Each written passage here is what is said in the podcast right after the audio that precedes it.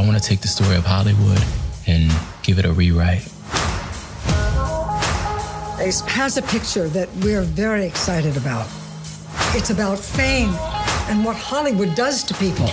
This is our screenwriter, Archie Coleman. Pleasure to meet you.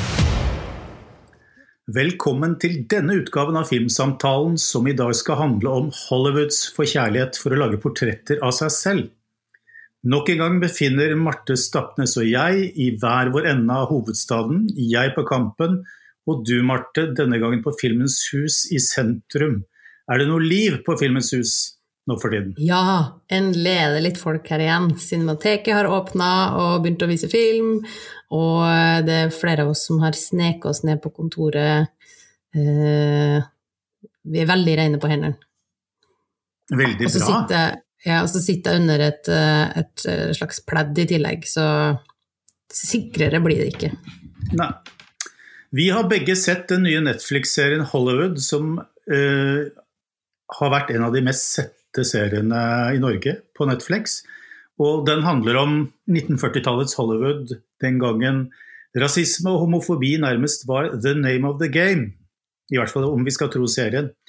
Eh, og siden vi begge er noen suckers for filmindustriens selvportretter, og Rushprint handler jo faktisk om filmindustrien, på sett og vis, så ble jo serien obligatorisk for oss. Og seriens skaper Ryan Murphy har tidligere gitt oss serier som American Horror Story og Glee, som veldig mange kjenner. Men han har også skildret et stykke Hollywood i serien Feud, om det konfliktfylte forholdet mellom filmstjerne Betty Davis og Joan Crawford under innspillingen av Whatever Happened to Baby Jane fra 1960. Og jeg mener at vi nok kan se en del av den samme stilen og tilnærmingen i Hollywood. Eh, Men det kanskje mest interessante ved Hollywood, slik jeg opplever det, er at Murphy gir oss en kontrafaktisk historie om hva som kunne ha skjedd om Hollywood allerede på slutten av 1940-tallet hadde tatt et oppgjør med rasismen og homofobien. I en tidligere utgave Marte, av Filmsamtalen snakket vi om en annen serie som forholder seg kontrafaktisk til historien, nemlig HBOs The Plot Against America. Eh, men The Plot Against America, altså dens framstilling av et antisemittisk Amerika, virket ikke så usannsynlig på meg egentlig som det at Hollywood i samme perioden skulle ha tatt et slik de gjør i Hollywood, et slags generaloppgjør med fordommer. Altså, hvordan, hvordan opplevde du dette kontrafaktiske universet i Hollywood? Mm, for det, det er jo eh, massive spoilers her, eh, så eh, se serien før du hører på resten av det vi sier nå. Men det starter jo tilforlatelig greit, og de opererer jo et univers som vi kjenner igjen. At det ikke bare er enkelt å være eh, verken svart eller homofil eller asiatisk eller de forskjellige karakterene som dukker opp her. Eh, og så gradvis så er det flere og flere som bestemmer seg for at nei, vet du hva, vi satser. Vi tør å lage en film med en svart hovedrolleinnehaver og en svart manusforfatter. Og uh, virkelig skal uh, si hvordan det går her. Uh, Rock Hudson dukker opp og sier nei, vet du hva, jeg skal innrømme høyt at jeg er homofil. Ja. Og det, det, oppleves jo som en sånn veldig Det hjelper at serien allerede er ganske lekent laga, og Ryan Murphy storkoser seg med måter å klippe det her sammen på. Og da kjøper jeg jo veldig den gladfortellinga. Endelig er det en fortelling som kan slutte godt. Da. At du kan faktisk tørre å gutse, og så skal det ikke handle om realismen i hva ville ha skjedd hvis du på det tidspunktet faktisk sto frem som homofil. Her er det bare glitz og glam og Hollywood hele veien, der alle sammen applauderer og egentlig syns det er helt topp. Så ja, men, mm. på ingen måte liksom troverdig, men i det universet så syns jeg det funker likevel, da, som en sånn glad, glad historie. Ja. Ja, ikke sant. Som en karakter sier i filmen, altså Movies don't just show how the world is, they show how the world can be. Ja. Det er jo på en måte en rosenrød fortelling, det her. Og uh, de har litt ulike strategier, disse unge menneskene da, som ankommer Hollywood for å lykkes. Og det er jo den, på en måte en av Amerikas nærmest urhistorier. Uh, altså sånne hvor mange historier kjenner vi ikke til altså om unge mennesker som prøver å lykkes på enten østkysten eller vestkysten, New York mm. eller LA.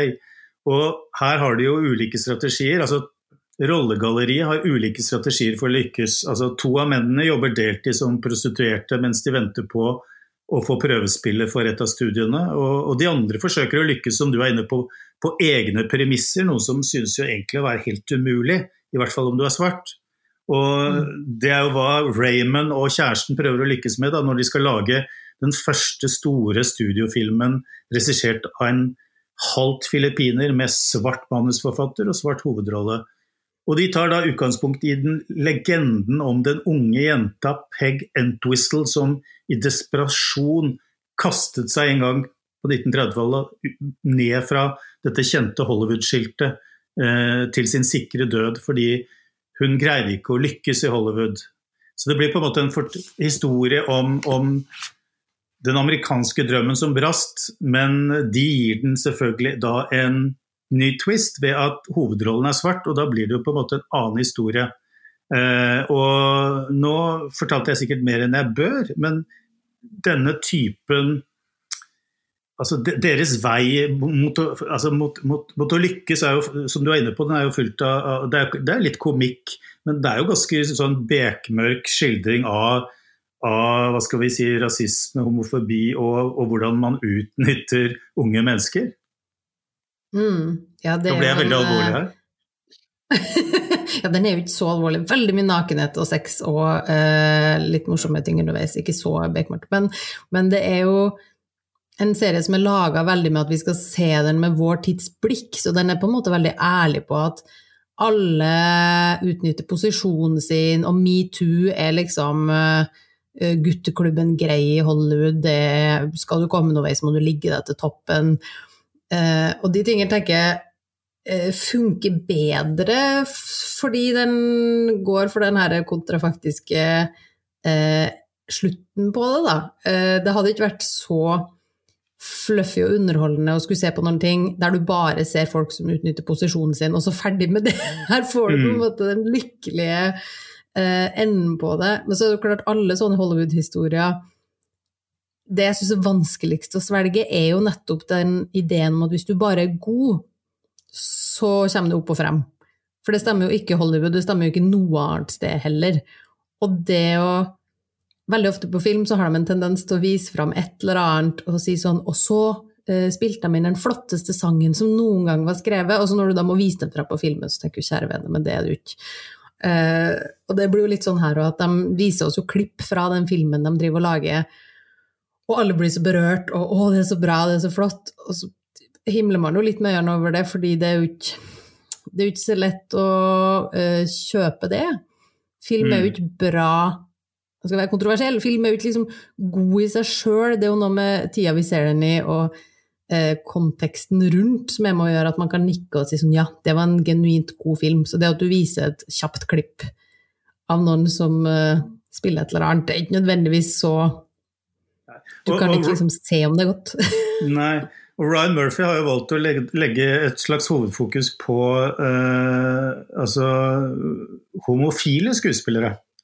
Uh, uh, mens ikke sant, den gangen så var det jo utnyttelse av unge kvinner som ville lykkes som skuespillere, jo, er jo viden kjent. her tar han tak i et kapittel som, som, kanskje er litt mindre kjent, selv om i nyere tid så har vi fått eksempler på at det fortsatt pågår Uh, historiene rundt på en måte Kevin Spaceys eskapader osv.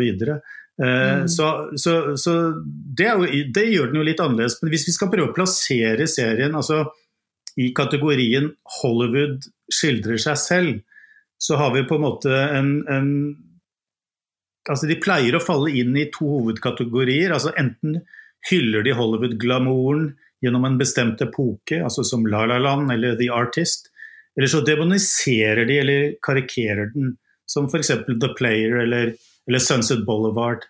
Uh, altså, men denne befinner seg vel da et sted midt imellom, kan vi si det? Mm, ja, litt mer tongue in cheek. Eh, og helt mm. klart laga av noen som har peiling på eh, både hvordan tida var, men også Det er jo liksom en periodeserie med flotte kostymer og stilige sett og den leker veldig med liksom, estetikken rundt det òg. Eh, men ja, jeg, vil, jeg, er enig i at den er et sted liksom midt imellom. Ikke totalt hyllende, og ikke Det gjør ikke narr av det heller. Nei. Men, men, det er klart at det vi er jo eh, Altså, vi har våre spesielle favorittepoker og skuespillere og filmer fra Hollywoods historie. Og det er klart, når, når noen eh, omskriver de, eller, eller, kødder med de, så er vi litt vare, ikke sant. Og det er jo flere tilfeller her hvor de tar seg store friheter med å dikte, da. Altså nå har ikke jeg vært noe veldig stor fan av Rock Hudson. Han har jo, som serien er inne på, vært en skuespiller med relativt begrenset talent, men ikke uten talent.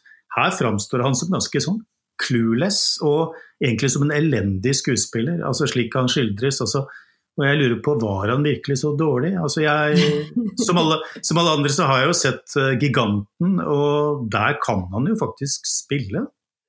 Ja, men det syns jeg er en litt Her følger vi han jo liksom det sekundet han kommer til Hollywood, nesten. Eller han har i hvert fall ikke hatt så veldig mye erfaring, da. Eh, og jeg liker jo litt at serien klarer å vise at det holder ikke bare å dukke opp i Hollywood. Det er ikke noen som har et iboende talent fra før. Du må nesten få lov å prøve deg litt. Og tenk at den perioden av Hollywood sin eh, peri altså den tida i Hollywood, så har du ganske mange skuespillere som blir casta i det folk tror de klarer, og så får de aldri utfordra seg noe særlig på det. Så du ender opp med sånn eh, Rock Hudson-typen som, som, spiller den samme rollen om og om igjen, der han kanskje ikke får lov å breie seg så veldig. Men eh, hvis man skal se noe som er hakket nærmere virkeligheten, på en måte, så vil jeg anbefale Rock Hudsons Home Movies, som er en dokumentar eh, fra 1992 om eh, som borer litt i det med klipp fra forskjellige Rock Hudson-filmer som på en måte faktisk nesten si høyt uh, 'se så homofil jeg er', men på en morsom måte. Så det viser at Hollywood kanskje var hakket mer uh, om ikke åpen Det kan jo hende at det er mye av det er fordi vi ser det med dagens blikk, selvfølgelig, men jeg tror at den tongue in cheek-greia har vært der lenge. da, at uh, det er ikke sånn at de gikk rundt og tenkte at ingen i Hollywood fantes homofil på den tida heller. Mm. Eh, to skuespillere som kjente rasismen i Hollywood på kroppen, var jo Hattie McDonald, som, som spilte jo hushjelp i utallige amerikanske filmer, og bl.a. i Gone with, Gone with, the Wind, tatt av vinden. Og så har vi Anna Wong, eh, som, eh, som, også var en, en, svært talentfull skuespillerinne som rett og slett ikke fikk eh, etter hvert de rollene hun ønsket seg fordi hun var eh, asiatisk. og i denne serien så får de en slags oppreisning, da kan man vel si, men, men det er jo Hadde de ikke egentlig fortjent en serie som portretterte deres virkelige liv, istedenfor å dikte liksom helt fritt rundt det? Eh, jeg kalte det en oppreisning, men egentlig så er det jo ikke det. Eh, og jeg, jeg føler noen ganger at eh, de, den, den, motstanden de to skuespillerne må ha møtt på, som var helt formidabel, den bagatelliseres litt her. Og, da, mm. og nå, nok en gang, Marte, så, så, tar jeg serien sikkert med større alvor enn jeg burde. Når jeg på en måte sti, stiller den til ansvar her. Men, men jeg syns at vi skal ikke slippe det helt. Nei, jeg syns jo det eh, på sin plass. De største rollene i en serie her altså Når jeg uh, først uh, leste om serien, så eh, liksom taglinen her at det handler om minoriteter i Hollywood og hvordan det går med dem. Men de største rollene her er jo kritthvit og uh, helt straight. Uh, så hovedpersonen er jo en hvit mann som kommer til Hollywood og har lyst til å lykkes, og kanskje heller ikke egentlig er en veldig god skuespiller. Uh, og så har du noen kvinner som jobber i industrien, og en dame som får ta over et helt studio. Altså, det er jo ikke at en sånn serie på død liv skal kun fokusere på minoritetene, men det er klart de, de, kommer litt billig unna med å bare si ja, men så ga vi dem en Oscar, og så gikk det bra mm. til slutt. Ikke sant? Så Fordi... jeg tror jo Ryan Murphy gaper over ganske mye han har lyst til å gjøre her, da, men er veldig opptatt Han er jo en fyr som er opptatt av innpakninga. Jeg husker jeg sånn nip tuck når jeg var bare barneomtrent. Uh, mm. og det er jo du, så liksom... den, du så den som barn? jeg var litt større, men jeg var litt for ung. men han kjører jo litt sånn i samme leia, da. Det skal være sexy, og det skal være en bra innpakning, og det skal liksom ja, Men, men da, da, har jeg, da, har jeg, en teori. Uh, det at han, det er såpass mye i hovedsak mannlig nakenhet, gjør at han kanskje kan slippe unna med det. Altså Hvis alle disse mennene eh, som eh, er nakne og utnytter hverandre, eh, hadde vært kvinner, så, så, ville serien på en måte fortont seg litt annerledes, tror du ikke det? Jo, og det er jo det, kanskje det som føles liksom hakket friskere her òg, og det har ikke vi sett før. Det her kan vi hoppe inn i igjen. Ja. Ja. Nei, Det var bare en tanke. Men seriens klimaks er jo da Oscar-utdelingen i 1948, som da ikke liksom fortoner seg sånn som den i realiteten var. Eh, For her får jo ja, eh, Det er en spoiler, men våre venner på en måte vinner jo Oscar for sin film. Og, og Hollywood tar eh, eh, på en måte rehabiliterer seg i, i alle opplyste menneskers øyne for evig tid osv.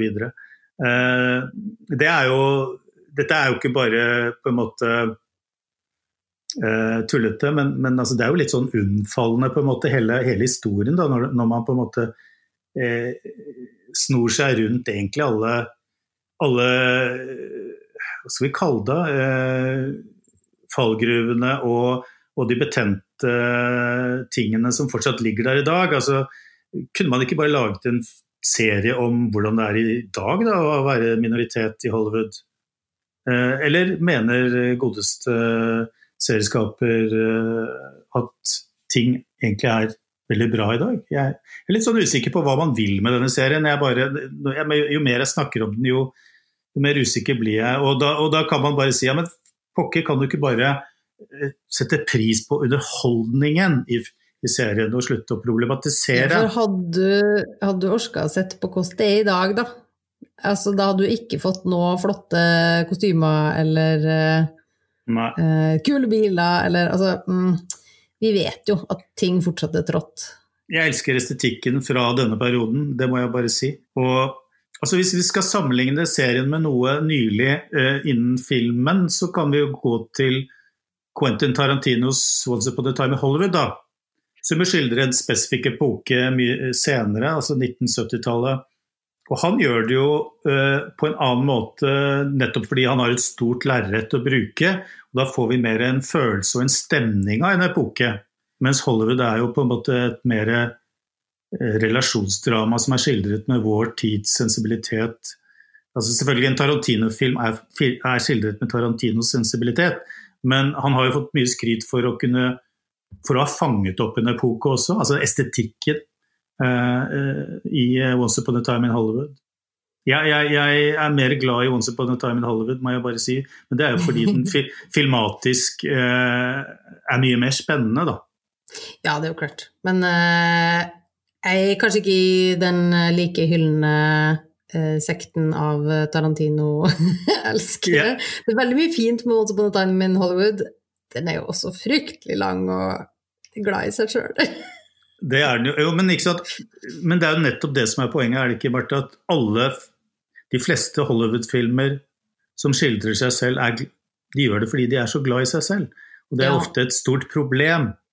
Eh, Det er veldig få av de som Altså, de ønsker å hylle visualiteten og glamouren. Altså, de ønsker å få frem det, ikke sant. Eh, Og i det øyeblikket du elsker det, så er du fanget. Da sitter du i saksa. Da kommer du ikke ut av den. Da har du ikke noe avstand lenger. Hva tror du om det jeg sa nå? Var, hørtes det jævlig bra ut? ja, helt eh, spot on. Nei, men det, men- det er jo eh, Ja, det blir jo ja. ofte den der sjølforherligende Mm. Sjøl når man lager filmer og serier som skal uh, være litt kritisk, så, så blir det jo den derre Men se så vakkert det, da! Men, men så har vi jo noen som ikke er så selvforherligende. Vi er jo begge fan av Cohen-brødrenes uh, Hollywood-relaterte filmer. Altså jeg tenker på Hale Cæsar og også Barton Fink, som jeg er veldig glad i. Uh, Mm. De har sin egen visjon av Hollywood. Det kan du si at Tarantino for så vidt også har, men de har en, på en måte en veldig spesifikk, nærmest altså eh, en veldig personlig syn på det som, som eh, overhodet ikke er eh, glamorifiserende eller, eller på en måte forherligende på noen som helst måte. Hva er ditt forhold til de filmene, Marte? Jeg har skjønt at du er veldig glad i Hail Cæsar. Ja, jeg tror kanskje det er en av mine favorittfilmer. Eh, Jeg husker når jeg så den her på Cinemateket i fullsatt sal. Jeg tror aldri jeg har opplevd et eh, kinopublikum som koste seg så mye på film.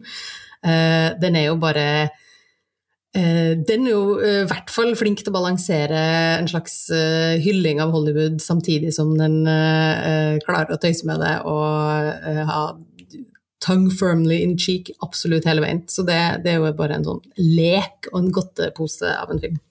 Mm. Barton Eh, Fink har jeg et mye mindre forhold til, for den Ja. eh, så himla lenge siden jeg så. Ja. Nei, den gjorde dypt inntrykk på meg når jeg så den første gangen. Og jeg husker jo fortsatt veldig godt skildringen av uh, William Faulkner i Hollywood som manusforfatter. Altså Barton Fink, da, denne hovedrollen som prøver seg som manusforfatter i, i Hollywood, han, han får til slutt møte eh, William Faulkner, som er jo en stor forfatter. og og, eh, men bruker en del tid i Hollywood for å tjene til livets opphold, og har ikke noe overvettes respekt for uh, film, filmhåndverk og filmkolonien. Men, men han er der og, og drikker seg langsomt til grunne. Eh, og det, er, det er på en måte et bilde på det klassiske bildet på eh, forfatteren, altså den, den priste forfatteren som ikke tjener nok på bøkene sine og må på en måte dra til Hollywood og prostituere seg. Og, og, og det, Den skildringen er egentlig helt fantastisk. Og jeg vil anbefale alle å se Barton Fink, og også Hale Cæsar. Det, er- det er strålende filmer. Um, Men jeg Altså, vi snakket om en annen film. Eller vi begynte å snakke om en roman av, av, av Scott Fitzgerald som heter 'The Last Tycoon', som handler om Irving Talberg, som var en sånn eh, legendarisk studiosjef på 1930-tallet i Hollywood. Og den ble filmatisert av Elia Kazan i 1972, eh, med bl.a. Robert De Niro i hovedrollen. Og den forveksles nå for tiden med en serie på Netflix som har en helt annen tilnærming, men som også heter The Last Tycoon. Som jo på en måte er mer for å si det kort, glatt og overfladisk, og, og, og omfavner alle klisjeene om Hollywood. Mens det egentlig The Last Tycoon gjør, er jo å fortelle litt om hvem er disse menneskene som ledet filmstudioene på 30-tallet.